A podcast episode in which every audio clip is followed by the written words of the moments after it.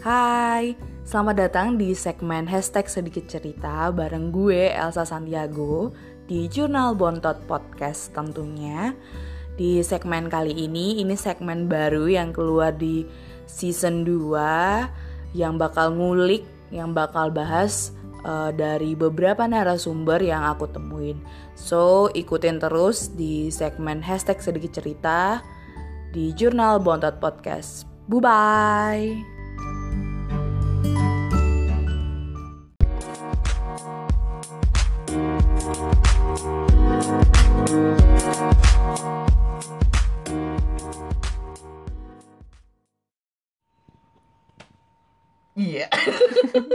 Oke, okay, hai. Uh, ketemu lagi di Jurnal Bontot Podcast. Masih bareng aku, Elsa Santiago. Iya, jangan bosen ya. Oke, okay, hari ini aku mau ngajak lagi satu narasumber ataupun ya dia udah temanku sih juga dan udah pernah muncul di season 1. Iya. um, selamat datang buat Kak Rosa. Iya, yeah, Kak Rosa. Mbak Rosa atau Kak Rosa atau apa aja lah. Zaman kuliah kenalnya Clara sih. Iya. Karena kan nama depan gue kan ada Claranya, hmm. jadi orang pasti taunya Clara. Sebenarnya apa? Clara apa gitu? Clara Dwi Indah Rosari. Ah, oke. Okay. Cuma kalau di Instagram gitu kan namanya Clara Rosari kan. Mm -mm. Ya, kayak gitu. Oke. Okay. Uh, eh, Mbak Clara, iya Mbak mm. Clara. Jadi kaku. kaku banget ya. Oke, jadi nanti Mbak Rosa ini akan masuk di segmen hashtag sedikit cerita. Uh, jadi mungkin akan sedikit, ya ada ya, iklan. iklan. jadi akan uh, lebih apa ya, sedikit uh, serius-serius gitu, tapi ya tetap santai-santai kayak gini lah gitu. Nah, uh, mau tahu kesibukannya Mbak Rosa sekarang ngapain aja sih? Kesibukanku sekarang itu uh, jahit. Mm-hmm. Ya, ketemu klien, jahit yang ngurusin bisnis aja sih kesibukannya. Uh, rencana sih mau sekolah lagi, cuman belum ada waktunya yang pas karena usahanya belum benar-benar bisa ditinggal dan sekolahnya juga nggak dekat, jadinya masih ditahan-tahan dulu, ditahan-tahan dulu buat uh, sekolahnya. Gitu. Nama bisnisnya apa ya Mbak? Bisnisnya itu sekalian promosi. Ayo sekalian promosi. oh beda. Oke, okay. oh beda. Nah, jadi dia itu ada butik tapi juga ada konveksinya. Oke. Okay. Um, apa ya tadi aku mau tanya uh, arti namanya apa gimana ceritanya bisa dapat nama Obeda mm -mm. atau sebelumnya ada nama lain mungkin sebelumnya itu sebenarnya konveksi itu usahanya mamahku. Mm. Mamahku itu bikinin batik-batik untuk sekolah-sekolah, instansi dan sekolah. Sejak sejak aku SMA. Oh, oke. Okay. Nah, tapi makin ke sini uh, mamaku capek kan gitu ya. Mm. Terus dia berhenti. Ah, dulu tuh namanya Batik Nusantara. Batik Nusantara maksudnya itu pengen punya koleksi batik itu dari semua daerah. Terus semenjak aku lulus kuliah uh, pas aku kuliah aku memutuskan buat nyambi-nyambi cari kerjaan apa akhirnya aku buka akhirnya aku menggantikan mamaku tapi mengganti namanya juga mm-hmm. pengen namanya tuh yang agak modern gitu ya okay. gampang diingat catching gitu ya, ya catching okay. anak muda banget nah terus akhirnya dapatlah obeda mm-hmm. obeda itu uh, kan usaha kita usaha rumahan mm-hmm. aku pengen yang namanya tuh menyinggung rumah mm-hmm. tapi juga uh, gampang diingat apa mm. gitu ya kalau misalnya kan omah omah jahit atau apa kan kayaknya aneh banget ya akhirnya aku dapat oh beda itu omah berkah dalam aslinya kepanjangannya itu omah berkah dalam. Oke, okay. artinya? Maksudnya itu uh, bekerja di rumah tapi juga bisa buat nanti orang yang kerja atau orang yang bekerja di dalam situ tuh dapat berkah dari usaha ini ah, gitu. Okay. Oh beda, oma berkah dalam. Oke oke okay, okay. menarik mbak menarik. Tapi orang taunya oh beda, oh beda. Jadi bisa beli kain terus kalian langsung dijahit kayak gitu orang. Tapi bisa juga kayak gitu. Iya bisa juga. Ah, okay, Tapi kayak orang jadi oh beda, maksudnya oh beda gitu dari yang lain gitu. Beda. Nah sebenarnya ini rada fun fact. Jadi eh, Mbak Clara ini adalah kakak angkatanku di FEB eh, ekonomi gitu kan. Terus aku taunya juga kayaknya anak akuntansi kok malah ke ba apa ke Desain ya? desain gitu kan ke butik gitu rada jomplang sih kalau buat aku ini honest review ya mbak cuman meskipun FEB pun masih ada kaitannya dengan Ah, bisnis ya bisnis. Cuman yang aku penasaran adalah kok bisa rada jauh gitu loh mbak banting setir juga sih semasnya mungkin Iya. Mbak bisa ceritain eh dulu itu emang aku sebenarnya nggak punya basic eh, tentang dunia fashion ya. Cuman aku suka suka misalnya nih kalau ke kampus dulu pakainya baju apa harus di matching matchingin gitulah. Nah aku suka fashionnya. Cuman terus waktu udah mendekat kuliah itu juga pilihan orang tua kan. Akuntansi habis itu udah mau lulus aku harus cari apa yang bisa menghasilkan uang setelah aku lulus kuliah kan. Terus mau ngelamar kerja juga kan pasti sekarang ngelamar kerja nggak langsung bisa dapet kerjaan kan. Nah jadi aku begitu udah lagi nyusun skripsi aku dulu pertama-tama bikin scarf Mm-mm. bikin scarf ternyata banyak yang minat dan banyak yang suka dari situ terus aku suka jahit-jahit baju. Teman-temanku suka tanya bikin di mana atau beli di mana? Padahal aku bikin sendiri dan ngedesain sendiri. Oke. Terus dari situ uh, aku ngelamar kerja juga kayak setiap mau ngelamar ada aja gitu halangannya.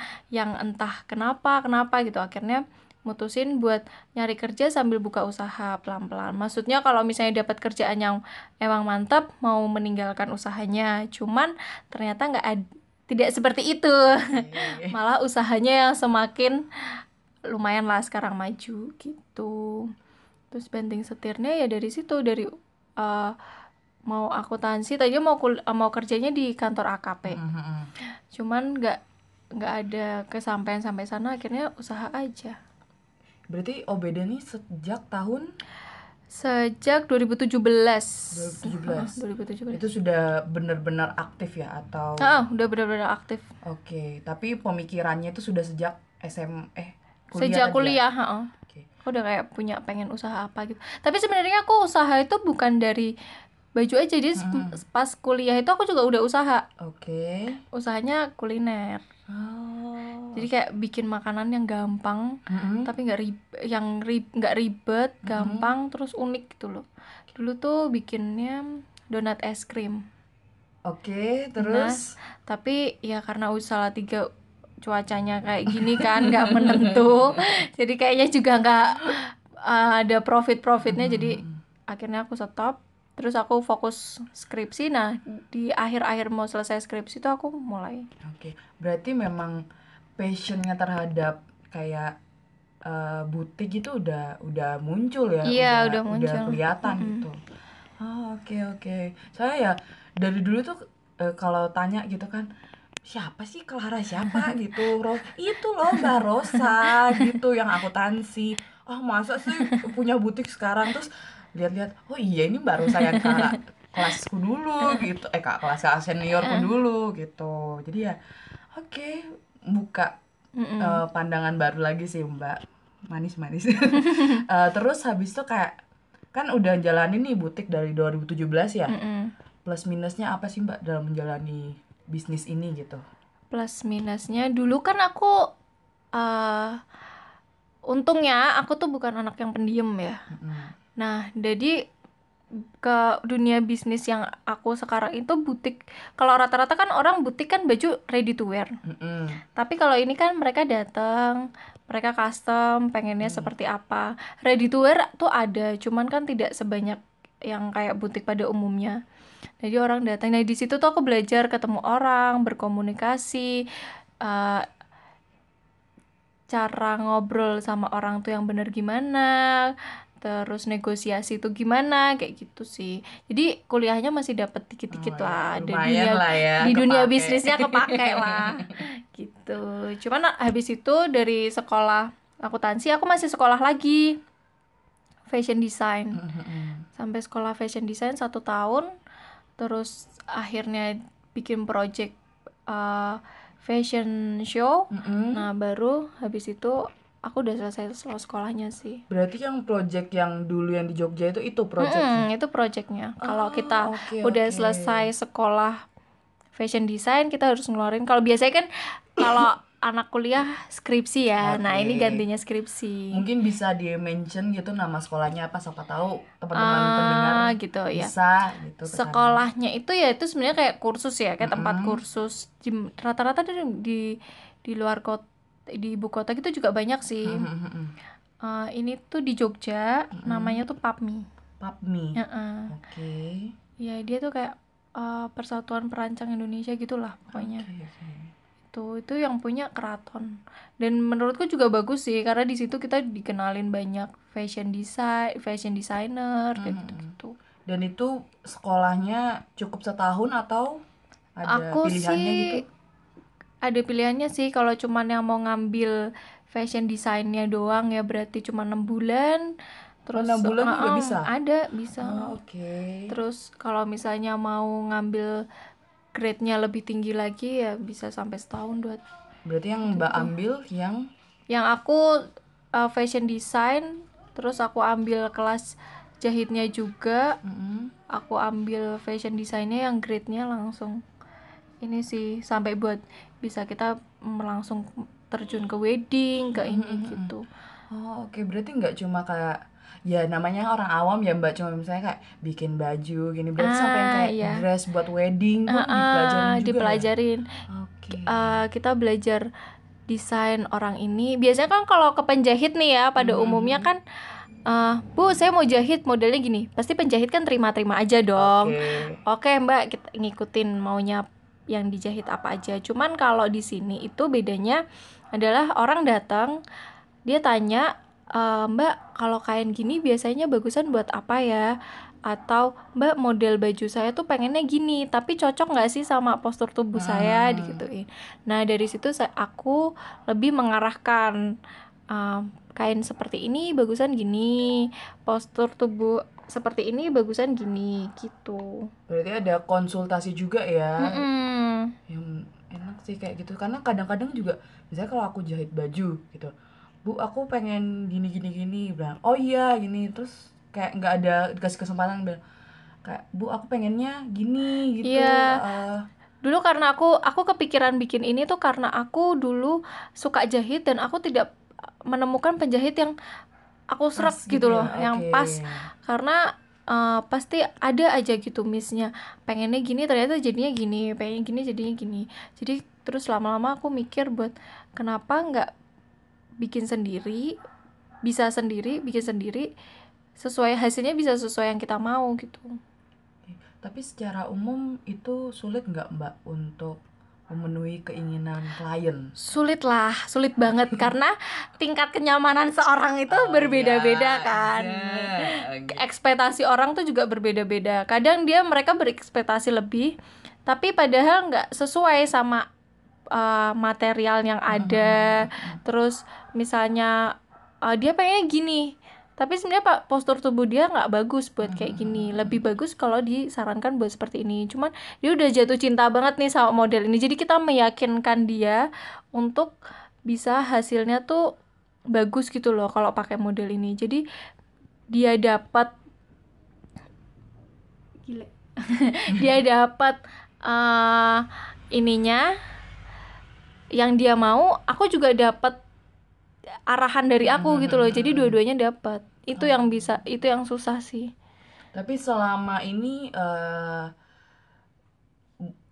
eh, ada yang gi- gimana sih aku ngomongnya? Maksudnya semuanya hampir deal semua kah? Atau ada juga yang beberapa kayaknya aku nggak nggak bisa deh Mbak kalau ikut yang arahannya Mbak gitu. ada juga yang kayak gitu. Banyak kan sih rata-rata kalau misalnya mahasiswa atau orang-orang yang masih di umur 35 ke bawah lah Hmm. mereka masih mau sih mau Menerima masukan Oke. tapi kalau ya nggak nggak ini juga sih ibu-ibu juga kadang biasanya terima masukan juga cuman ya itu kadang ada ada aja gitu salahnya master emak-emak gitu ya. Oke, oke. gitu Untuk eh, apa hmm, keluarkanlah ekonomi Musa. apa sih pangsa pasarnya? Nah. Eh, itu apa anak SMA kah kuliah kah atau gimana kebetulan dulu tuh aku pangsa pasarnya adalah umum sih sebenarnya pengennya karena kit- aku buka di dekat area kampus jadi banyak kan anak mahasiswa oke sekarang itu kan lagi model nih orang nikahan ada bridesmaid bridesmaidnya gitu Oke. kan nah itu itu banyak banget sih. Anak wisuda juga banyak. Kayak gitu. dalam sebulan bisa terima berapa jahitan mbak? Rata-rata. Eh, 25 sampai 30-an lah. Banyak banget itu iya itu banyak banget sih. Tapi ya disyukurin sih mbak. Iya. bisa. Karena kan aku juga mikir em, aku punya pegawai aku gitu. Jadi nggak aku kerja sendiri. Kalau aku kerja sendiri nggak mungkin aku bisa sebanyak itu. Cuma karena aku juga dia banyak yang bantu kan. Jadi semua desain pola potongan semua dari aku mereka nanti cuman ngejahit aja. Cuman kalau ngejahit kualitasnya itu harus sesuai yang aku mau. Oke. Karena aku eh, lebih mentingin kualitas bukan kuantitas. Jadi kalau misalnya kualitas kuantitas banyak maksudnya kuantitasnya banyak tapi kualitasnya jelek kan sama aja jadi aku mending kualitas kuantitasnya juga bisa dapat Oke, dari tahun 2017 ke sekarang ini 2020, Mm-mm.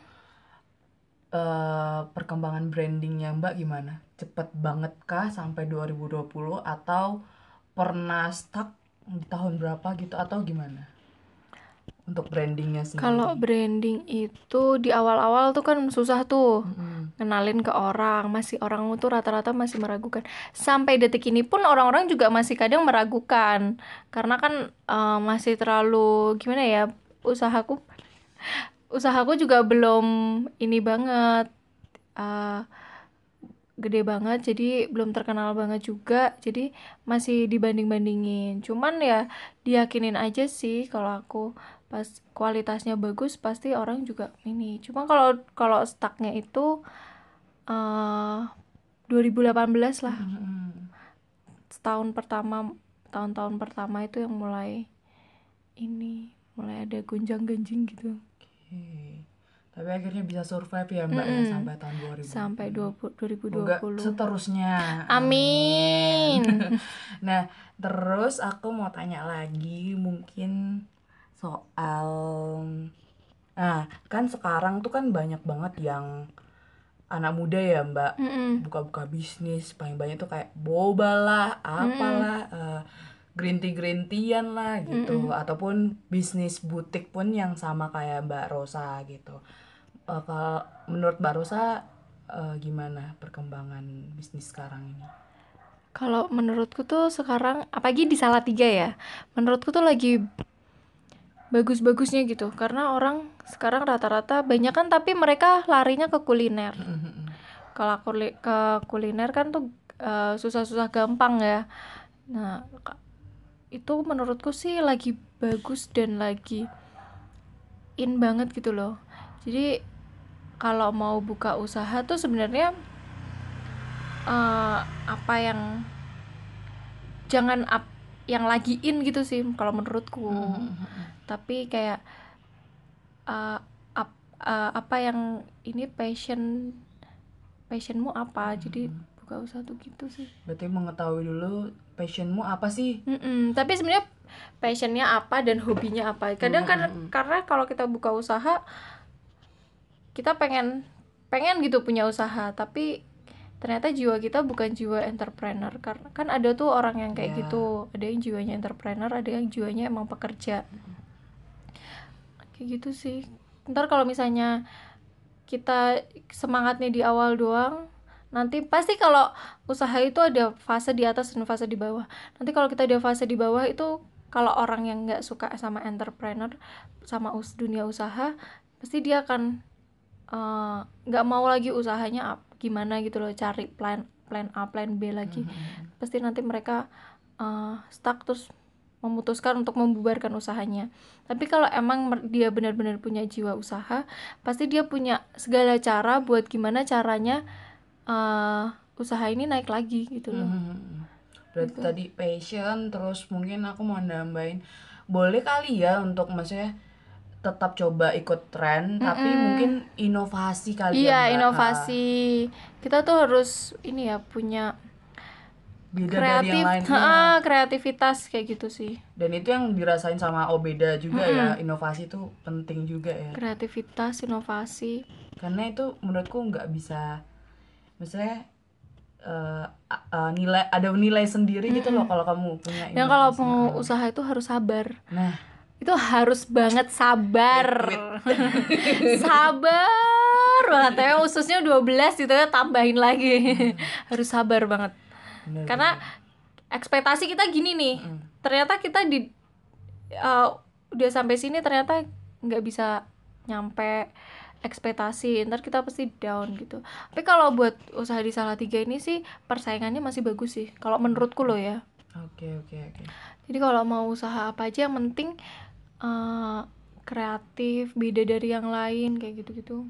Ya ya. Passion kreatif inovasi benar benar benar terus em, iya aku lupa mbak. Karena ini semuanya begini. Santai aja. apa ya? Ya menarik sih. Mungkin mbak Rosa bisa ceritain nggak waktu pas yang acara yang di Jogja itu? Waktu pas pameran itu. Itu mbak Rosa bikin apa? Terus em, mungkin temanya kayak gimana gitu btw ini ada fotonya soalnya Iya, kelihatan ya. Eh, kalau itu sih dulu konsepnya itu di di diarahin sama sekolah. Konsepnya itu tentang maritim. Jadi maritim gimana caranya terserah, pokoknya berhubungan sama maritim. Akhirnya aku bikin itu eh pokoknya tentang laut kan, maritim laut. Terus aku akhirnya dulu itu lagi zaman zamannya aku senang Frozen. Eh, kok Frozen sih? Siapa ini? Eh, yang di laut itu loh, yang Eh. rambutnya keriting-keriting apa sih siapa? Bu Bu Susi Bukan. Siapa sih? Aduh, aku lupa. Moana. Moana. Nah, kok Bu Susi ya? Ah, Bu Moana itu aku lagi senangnya itu, terus akhirnya aku tanya, kayak kita bimbingan juga, ah, ah.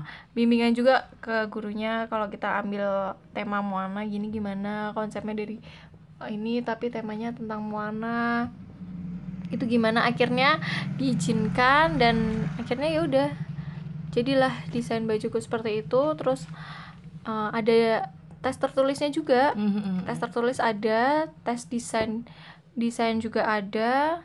Terus yang terakhir itu fashion show. Oke itu apa yang kita desain itu yang kita bikin. Mbak Rosa bikin berapa baju? Itu bikin harusnya sih bikinnya dua desain cuman yang dimajuin cuman satu desain. Jadi aku cuma bikin satu baju. Mhm. terus habis itu uh, kita bisa ikut pamerannya juga Oke oke, berarti yang baju yang Mbak Rosa pakai pun itu hasil jahitan Mbak Rosa sendiri. jadi konsepnya aku samain sama hasil v- apa model yang nanti aku pakai Gokil, Gitu. keren keren sih Mbak. Oh ya, tadi itu aku mau tanya, kalau misalnya Mbak Rosa dikasih kesempatan lagi untuk menambah bisnis, Mm-mm. Bisnis apakah yang akan Mbak Rosa tambah ataupun pengen ke bisnis mana gitu? Eh, iya aku tuh sebenarnya emang lagi pengen banget sih nambah bisnis tapi kayak eh, ini aja bisnis belum bisa ditinggal gitu loh kalau aku pengen nambah tuh ke Kita berangan-angan dulu iya lah Mbak. aku berangan-angan tuh pengen punya bisnis minuman Oh iya? ah karena gampang sebenarnya gampang-gampang susah juga sih dan orang itu pasti eh, tertarik gitu loh. Minuman tuh pasti bakal dicari gitu. Oh. jadi cari usaha itu eh, yang orang bakal cari. Itu nggak akan mati gitu. Kayak misalnya usaha bisnis bisnis butik ini ya. Apalagi custom. Orang itu pasti setiap harinya setiap waktunya pasti butuh baju. Mhm. yang entah nikahan lah entah apa. Kayak misalnya aku juga sering dapat ibu-ibu PKK ibu-ibu sosialita gitu. Besok kita tuh mau ada acara ini mbak. Jadi kita mau seragaman gini gini gini. Nah kayak gitu kan pasti kan mereka butuh terus kan. Nah aku pengen punya usaha yang orang pasti butuh Kayak terus. repeat order Mm, terus repeat gitu ya. order terus. Oke. aku pengen banget punya usaha minuman. Minuman apakah kira-kira misalnya kopi kah? Apakah? Ah, kopi sih enggak karena kebetulan aku juga nggak bisa minum Oh, kopi oke. kan. Jadi gimana mau nyicipin ya kalau yang minum yang punya aja. yang punya aja nggak bisa minum kopi. Aku tuh pengen punya usaha minuman kayak yang ini sih kayak eh, apa sih? Kokumi kayak gitu-gitu loh. Mm-mm. kayak Thai tea gitu-gitu sih Ah, oke. pengen siap. pengennya sih. Cuman masih bingung pengen apa yang bisa bedain dari yang lain gitu loh. Hmm, oke oke. Masih. Em, aku mau balik lagi. Ini maju Mm-mm. mundur ceritanya. Iya. Jadi yang di Obeda itu kan eh, usaha usaha sama mama ya? Mm-mm. tapi sekarang masih sama mama kah atau udah pure sendiri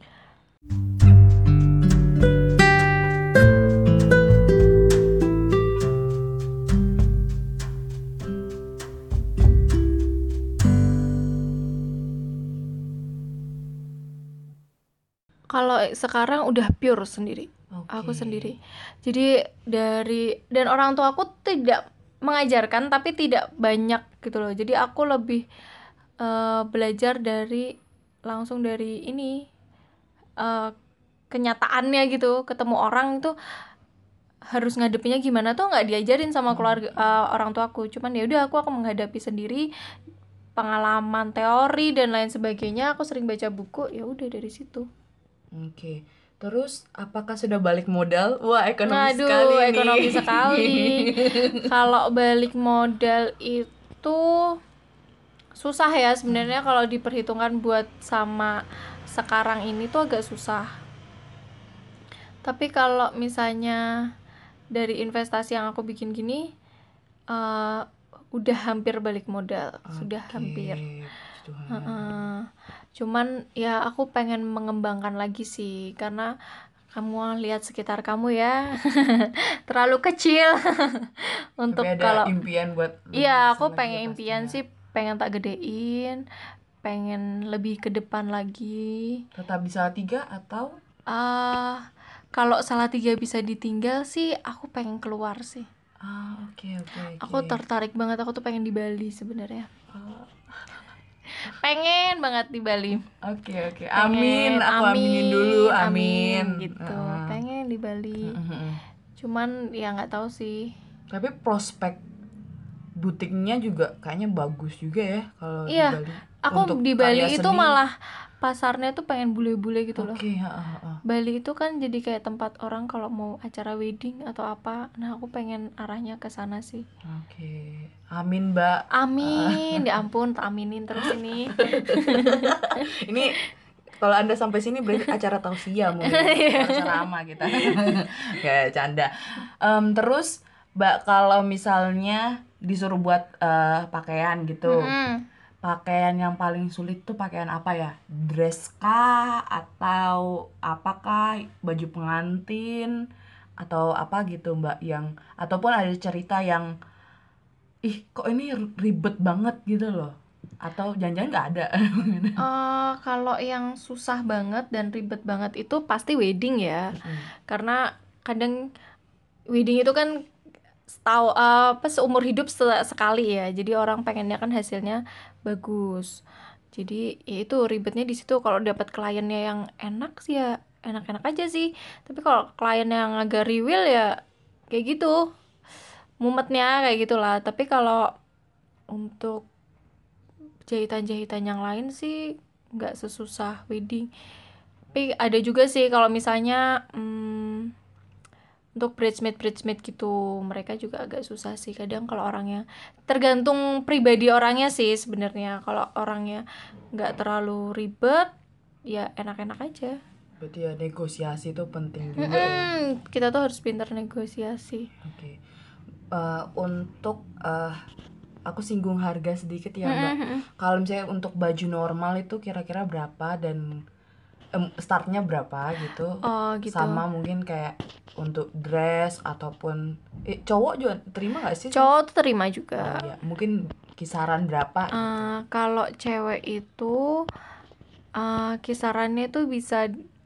tergantung ya mau bikinnya apa. Tapi kalau misalnya Baju yang gampang gitu aja ya. lah.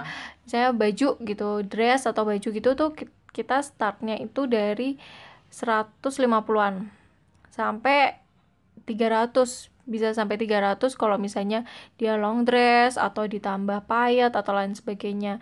Itu cuma jasa jahitnya aja. Tapi kalau untuk sama jasa kainnya nanti nyesuaiin mereka pengennya kainnya seperti apa budgetnya berapa gitu. Tapi kalau untuk wedding simple wedding gitu itu startnya dari dua setengah sampai tujuan lah. Itu udah sampai dua setengah itu ya belum sama kain tapi kalau udah sampai tujuh itu udah sama kain udah dipayet dan lain sebagainya Oke oke. Untuk eh, baju apa? Misalnya baju-baju biasa gitu kayak dress itu pengerjaannya berapa lama? Sedangkan yang kayaknya yang dress pengantin kayaknya berapa lama gitu? Ah, lebih lama ya? Yang jelas. Kalau misalnya sebenarnya itu jahitnya sih sebenarnya cepet ya. 15 eh, 15 hari. Biasanya aku kalau ada yang tanya gitu, biasanya aku bilangnya 15 hari dengan ngantri-ngantrinya. Oke. Untuk yang baju biasa? Nah, Oke. sebenarnya kalau misalnya dadakan gitu ya, Mbak, hari ini mau ini, besok minggu depan dipakai bisa nggak? Kalau aku nggak ada banyak jahitan, aku bisa. Mm-mm. Tapi kalau misalnya lagi banyak jahitan, aku nggak bisa pasti 15 hari gitu. Cuma kalau wedding, aku lebih suka orang eh, booking aku dua bulan sebelum mereka acara. Jadi satu bulan buat bikin prosesnya, satu bulan itu buat eh, ngefixin Mm-mm. kayak gitu, fitting-fitting dan lain sebagainya.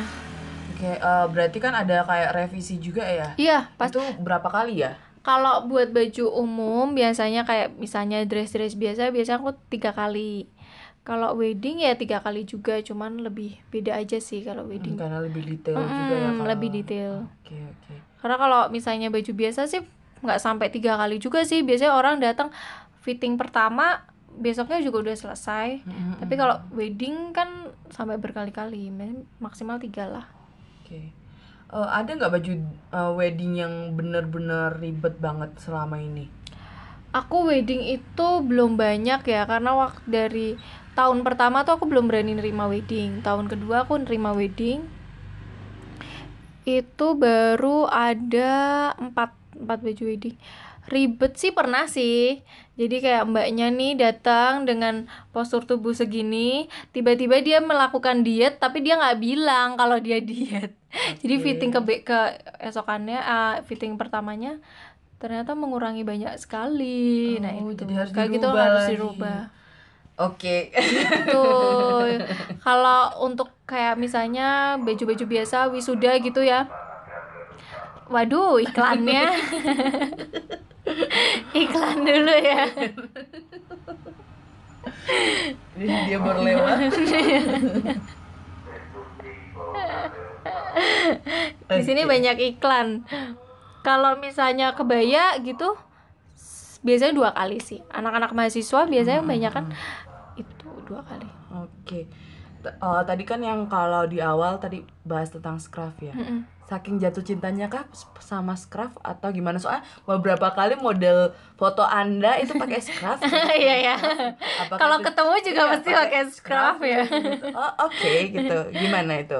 Aku seneng aja sih dan aku tuh orang yang nggak eh, orang kalau orang fashion design itu kan kadang orang ngelihatnya unik apa beda atau harus yang glamor atau gimana. Tapi aku lebih senang yang simple. Aku tuh suka yang sesuatu yang simple. Jadi misalnya pakai baju ya udah. Kalau lagi pengen pakai kaos ya kaos polos. Tapi kayaknya kalau orang lihat polosan gitu ya. Jadi aku lebih senang pakai scarf entah dipakai di leher kah atau dipakai bando kah atau apa. Mungkin kasih detail kali ya Mbak. Scruff itu apa? Kan ada beberapa yang nggak tahu oh soalnya. gitu. Ah, oke oke. Kayak sel- selendang gitu ya? Iya, heeh. Ha-ha. Scarf tuh kayak selendang gitu. Kayak eh, apa ya? eh gambarinnya gimana ya? Kayak Ya, selendang. selendang tapi lebih pendek kali Ha-ha, ya. lebih Ah. pendek terus bisa manfaatnya sebenarnya banyak gitu. Waduh, iklannya. Nggak selesai-selesai sih, Bapak. Tapi aku juga termasuk orang yang suka pakai scrub sih. Mm-mm. Tapi lebih kayak eh, aku taruhnya di bagian kepala biasanya Oh, eh, iya, kan iya, gitu. gitu Biasanya anak-anak mau pergi-pergi petualangan Nah, gitu. gitu. Eh, eh, kadang juga di leher, tapi ya aku lebih kayak menyesuaikan juga sih dengan bajuku. Kalau misalnya meriah banget terus craftku udah meriah, wah kayaknya nggak cocok nih. Mungkin memang polos-polos gitu ya Mbak ya. Ya tergantung sih. Kadang kalau misalnya aku lagi pengen pengen pakai scarf ya pakai aja. Walaupun bajunya udah rame berarti scarfnya yang harus simple, nggak banyak warna, nggak banyak motif gitu. Mungkin sekalian dengan Waduh, bapak telepon di depan sini. Besok kayaknya tokoku mau aku bikin kedai suara deh. kayak studio musik ya iya. jadinya. Eh, tapi rencananya ini mau aku gedein sih Amin. pertengahan tahun ini. Karena kalau orang datang tuh udah kayak ngantri ke dokter tau nggak? Orang datang masuk, tungguinnya di luar pada terus nanti ya selanjutnya Mbak siapa? Konsultasinya pun di sini. Di sini. Fit, nanti Fitting dan lain sebagainya di Oh, sini. oke. Cuma besok ini mau aku jebol. Heeh. Jadi nanti ada tempat fitting sendiri, ada tempat di mana orang yang baru klien pertama, baru pertama kali datang sama klien yang udah fitting berkali-kali bisa di dalam. Nah, makanya aku kiranya dulu waktu pas lihat ini sekalian tempat jahitnya di sini. Enggak. Terus aku udah ngetok kan tadi di situ. Kok nggak ada orang terus oh ternyata jahitnya di Iya, garasi jahitnya di rumah garasi ya. rumah. Untuk sementara ini. Mm-mm, untuk sementara ini Oke, di garasi. Dulu sih nggak di garasi sih, dulu di belakang. Jadi rumah di rumahku tuh di belakang tuh ada space lumayan buat uh, naruh mesin jahit dan lain sebagainya. Tapi ternyata papaku tuh suka kolam ikan kan. Akhirnya tuh diganti, aku digusur dan aku di garasi, papaku di kolam itu tempat jadikan kolam ikan. Nah, Oke. ini lagi nunggu ini keluar buat jadi tempat kerja gitu. Ah, oke oke berarti soalnya di samping ini ya aku kasih apa ya kayak arahan ya, geng. Mm-mm. Samping butiknya Mbak Clara ini, Mbak Rosa ini ada kos-kosan gitu. Jadi mungkin beberapa Jadi ini tuh ini ya mau Ah, ah. ini sebelah ini kan kontrakan. Oh, oke. Jadi kontrakan terus kesekat kos-kosan. Mm-mm. Nah, nanti yang kontrakan ini mau aku pakai. Mm-mm. Rencananya mau aku pakai buat eh jadiin tempat kerja sekalian. Jadi orang jahit dan semuanya jadi satu di sini. Kalau ini kan aku terpisah oleh dua bangunan Iya. ini, jadinya aku harus bolak-balik ke rumah kadang gitu. Oh, iya iya iya iya. Tapi ini memang rada gede juga yang kontrakan ini. Lumayan sih. Lumayan. lumayan lumayan buat tempat jahit lumayan buat tambahin satu tempat kayak gini lagi buat Oke oke. Eh, Mbak, tadi kan tadi ada mungkin yang tips and trick yang kayak scrub tadi tuh lumayan ya. Mungkin ada lagi nggak kira-kira untuk berpakaian gitu?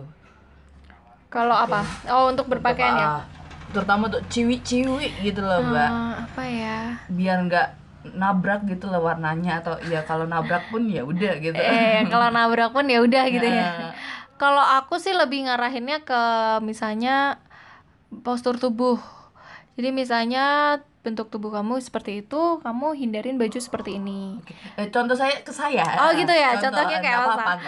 Oke, kalau misalnya kayak ba- tubuh postur tubuh kayak Elsa gini, Ya, sorry, gemuk. Oke, Mbak. aku nggak Iya. nggak gemuk-gemuk banget ya, ada yang iya, lebih kayak begitu, gemuk. geng. Santai. Iya, contohnya kayak aku. Contohnya gini, kalau misalnya mau eh, pakai baju yang buat kondangan gitulah ya, Oke. pakai aja eh, dress itu yang kalau pede tergantung sih ada orang gemuk itu pede ada orang gemuk itu nggak pede kalau orang gemuk yang pede itu pakai aja dress yang ada ah dress span Oke. jadi kita bisa ngeliatin lekuk tubuh Oh, oke oke itu oke. kalau orang yang pede itu apa ya gimana ya cara Berarti ngomongnya semi ngepres ngono, Mbak. Hmm, kalau tapi jangan sampai Oh, yang enggak. kelihatan. Kan Cuma- ada tuh yang ngepres terus lekukan-lekukannya kelihatan ya. Nah gitu ya nah itu dihindarin sih ada juga yang bisa ngepres kita tuh bisa ngeliatin lekuk tubuhnya yang bagus lekuk tubuhnya yang bagus tapi kalau misalnya lagi kalau ini kalau misalnya eh, ke bentuknya mau A gitu juga bisa ah gitu Oke. ah. jangan selalu yang lipatannya banyak jadi kelihatannya banyak lipatan badannya udah ini kan. Nah itu jadi kelihatannya tambah besar oh iya gitu. kalau aku bikin baju tuh mbak bener nggak sih ini? Aku tuh selalu milih kerafi iya. untuk postur badanku. Mm-mm. apa sih? Aku maksudnya apa sih? Kurv kurvi eh, apa sih? Iya iya Ya, kerak gitu ya. ya. ya ini lehernya itu bener minta- nggak sih? Atau ada saran lain selain V itu? Sebenarnya V itu bagus juga dia kalau misalnya mau lingkaran gitu kalau mau lingkaran gitu tuh dia jatuhnya jadi kayak lebar banget gitu loh. Oke. Eh, dadanya kelihatan Sabrina lebar gitu kah? Ah, kelihatannya lebar banget. Tapi emang bagusan dibikin V Hmm. jadi orang nggak pusatnya di sini. Jadi bisa ditambahin lagi apa-apa gitu. Oke, mungkin kalau sekalian aja kali ya Mbak. Kalau misalnya eh, kayak bentuk aku cocoknya V. Kalau misalnya yang Sabrina gitu buat cocoknya orang-orang seperti apa? Sabrina itu cocok buat anak-anak yang eh kayak gimana ya gambaranku lah ya badanku itu tuh sebenarnya bagus pakai Sabrina. Cuman kadang ada yang badannya kecil gini ternyata lengannya kan eh, gede gitu ya kayak bukan maling nih contohnya kayak aku nih ya lengannya. Nah itu terus Sabrina bagus buat anak-anak yang badannya kecil Hmm, Sabrina, terus apa lagi lingkaran? Eh apa ya? iya setengah Eh, lingkar kalau lingkaran, lingkaran itu juga bagus buat anak-anak kecil kalau buat model kayak kamu gini lingkaran bagus Oh, setengah lingkaran juga. cuman jangan terlalu rendah oh, karena jangan terlalu ah, rendah. ah, karena nanti kan kelihatan banget tuh ininya lebar bad- Oke, dadanya. Berarti sedang-sedang aja kali ya. Oke. Terus tadi kalau untuk eh, dress kondangan tadi, kalau misalnya modelnya kayak aku ya, geng. Iya. Tadi A Iya, bisa. Terus bisa. apalagi kira-kira selain kondangan gitu kalau sehari-hari gitu. sehari-hari sebenarnya pakai baju itu bagus atau tidak itu dari orangnya Oh. orangnya nyaman apa enggak kalau orangnya pengen modelnya gini-gini tapi ternyata dia nggak nyaman itu dilihat juga nggak enak tapi kalau misalnya orangnya pede dengan dan nyaman dengan baju seperti itu pasti bagus-bagus aja Berarti harus dari auranya dulu ya. ya dari pribadinya, pribadinya dulu. pengennya itu gimana cuman kalau aku lebih senangnya kalau sehari-hari simple aku orangnya senangnya simple jadi misalnya ketemu klien ya udah simple aja pakai Nah, aku kadang kalau tergantung sih aku ketemu kliennya yang seperti apa. Kalau instansi nggak mungkin aku pakai celana jeans ya. Pasti aku pakainya celana kain, tapi atasnya dibikin nggak semi formal, nggak formal tapi semi formal gitu. Kalau misalnya kan kalau anak-anak muda zaman sekarang kan kantoran gitu kan, Mbak. Hmm. Wah, banyak nih pertanyaan gue. Iya anak-anak kantoran gitu kan sekarang tuh modelannya kayak pakai celana kalau pakai celana kain atau enggak celana panjang terus pakai kaos Mm-mm. terus ditambah blazer menurut mbak gimana udah formal kah apa semi formal kah atau ada yang bisa di mix and match lagi gitu? Sebenarnya kalau mau lebih kelihatan sekarang itu lagi ngetrennya gini. Blazer itu lagi ngetren banget sekarang. Eh, kecuali dalamnya misalnya nih dipakai blazer tapi dalamnya tuh jangan baju blus yang ter, yang apa ya gimana kalau misalnya mau kelihatannya semi formal ya dalamnya dibikin aja kayak top kah atau blus-blus yang ada tanpa lengan itu kelihatan kan jatuh bajunya beda dengan baju yang udah ada kerahnya. Kalau mau kelihatan lebih santai jangan yang ada kerahnya karena itu kelihatan formal Jadi banget. kaosan gitu nggak Iya, apa-apa ya? kaosan nggak apa-apa. Celananya kalau bisa celana kain tapi jangan celana kain kerja. Kan ada nih celana chinos apa apa itu ya? Eh iya ya. Nah kayak gitu. Celananya pakainya kayak gitu. Atau celana jeans juga masih bisa masuk. Berarti ya paling eh, blazer juga itu men- menandakan kayak keformalan kita juga Hmm, ya. hmm. oh iya iya iya. Soalnya banyak banget sekarang kayak di Pinterest gitu mesti kayak orang kantoran sekarang kan ah, orang main aja kadang pakai blazer kan? Ganti Bener, celana bener. pendek atasnya blazer. Nah mungkin nambah juga buat teman-teman yang pakai hijab. Nah adakah tips-tips gitu untuk pakaian menurut kalau Mbak Rosa pakai gitu? hijab eh kalau kalau hijab ya sebenarnya aku tuh lebih senang kalau orang pakai hijab itu pakai bajunya jangan terlalu mainnya di kain. Oke. kalau kainnya jangan terlalu yang eh, kayak satin. Satin itu kan kalau misalnya dia mau di model gamis itu terlalu ngepret itu kan ngepas itu kan terlalu kelihatan dengan bentuk tubuhnya kan nah itu kurang sesuai aja sih kalau misalnya dia pakai hijab Oke, dan maksudnya untuk warnanya pun menyesuaikan dengan warna hijabnya kah atau misalnya pakaiannya gitu Ha-ha. atau mending polos gitu sarannya atau gimana? Eh, pakaiannya Ha-ha. kalau pakaiannya kalau misalnya hijabnya udah polos pakai aja kain eh, bajunya tuh yang bermotif motifnya juga kalau misalnya orang gemuk itu menghindari motif bunga-bunga yang besar. Tapi eh, kalau orang kalau orang kecil nah pakai itu motif yang besar-besar. Cuma kalau orang gemuk menghindari motif yang besar-besar. Yang kecil-kecil aja. Oke. Berarti yang eh, scarfnya Mbak ini bisa buat hijab juga atau cuma buat Enggak. cuman buat Oh, karena kan kecil kan kecil. dia. Oh, Oke, tapi ada rencana nggak kira-kira Mbak buat bikin Ha-ha. hijab gitu? Maksudnya ya kan rata-rata kan sekarang dari scarf itu ya? iya. Nggak ada rencana? sih. Belum ada. aku belum ada rencana gitu. oke. Nah, untuk penutup Mbak dari semua ini, Iya, Cie. Karena sudah di, Eh, diawali hujan. iya ini hujan, geng, soalnya. Semoga masih kedengaran ya. Iya. Bisa kasih tips and trick nggak Mbak? Sebenarnya dari tadi udah ya. Cuman mungkin secara umum kali.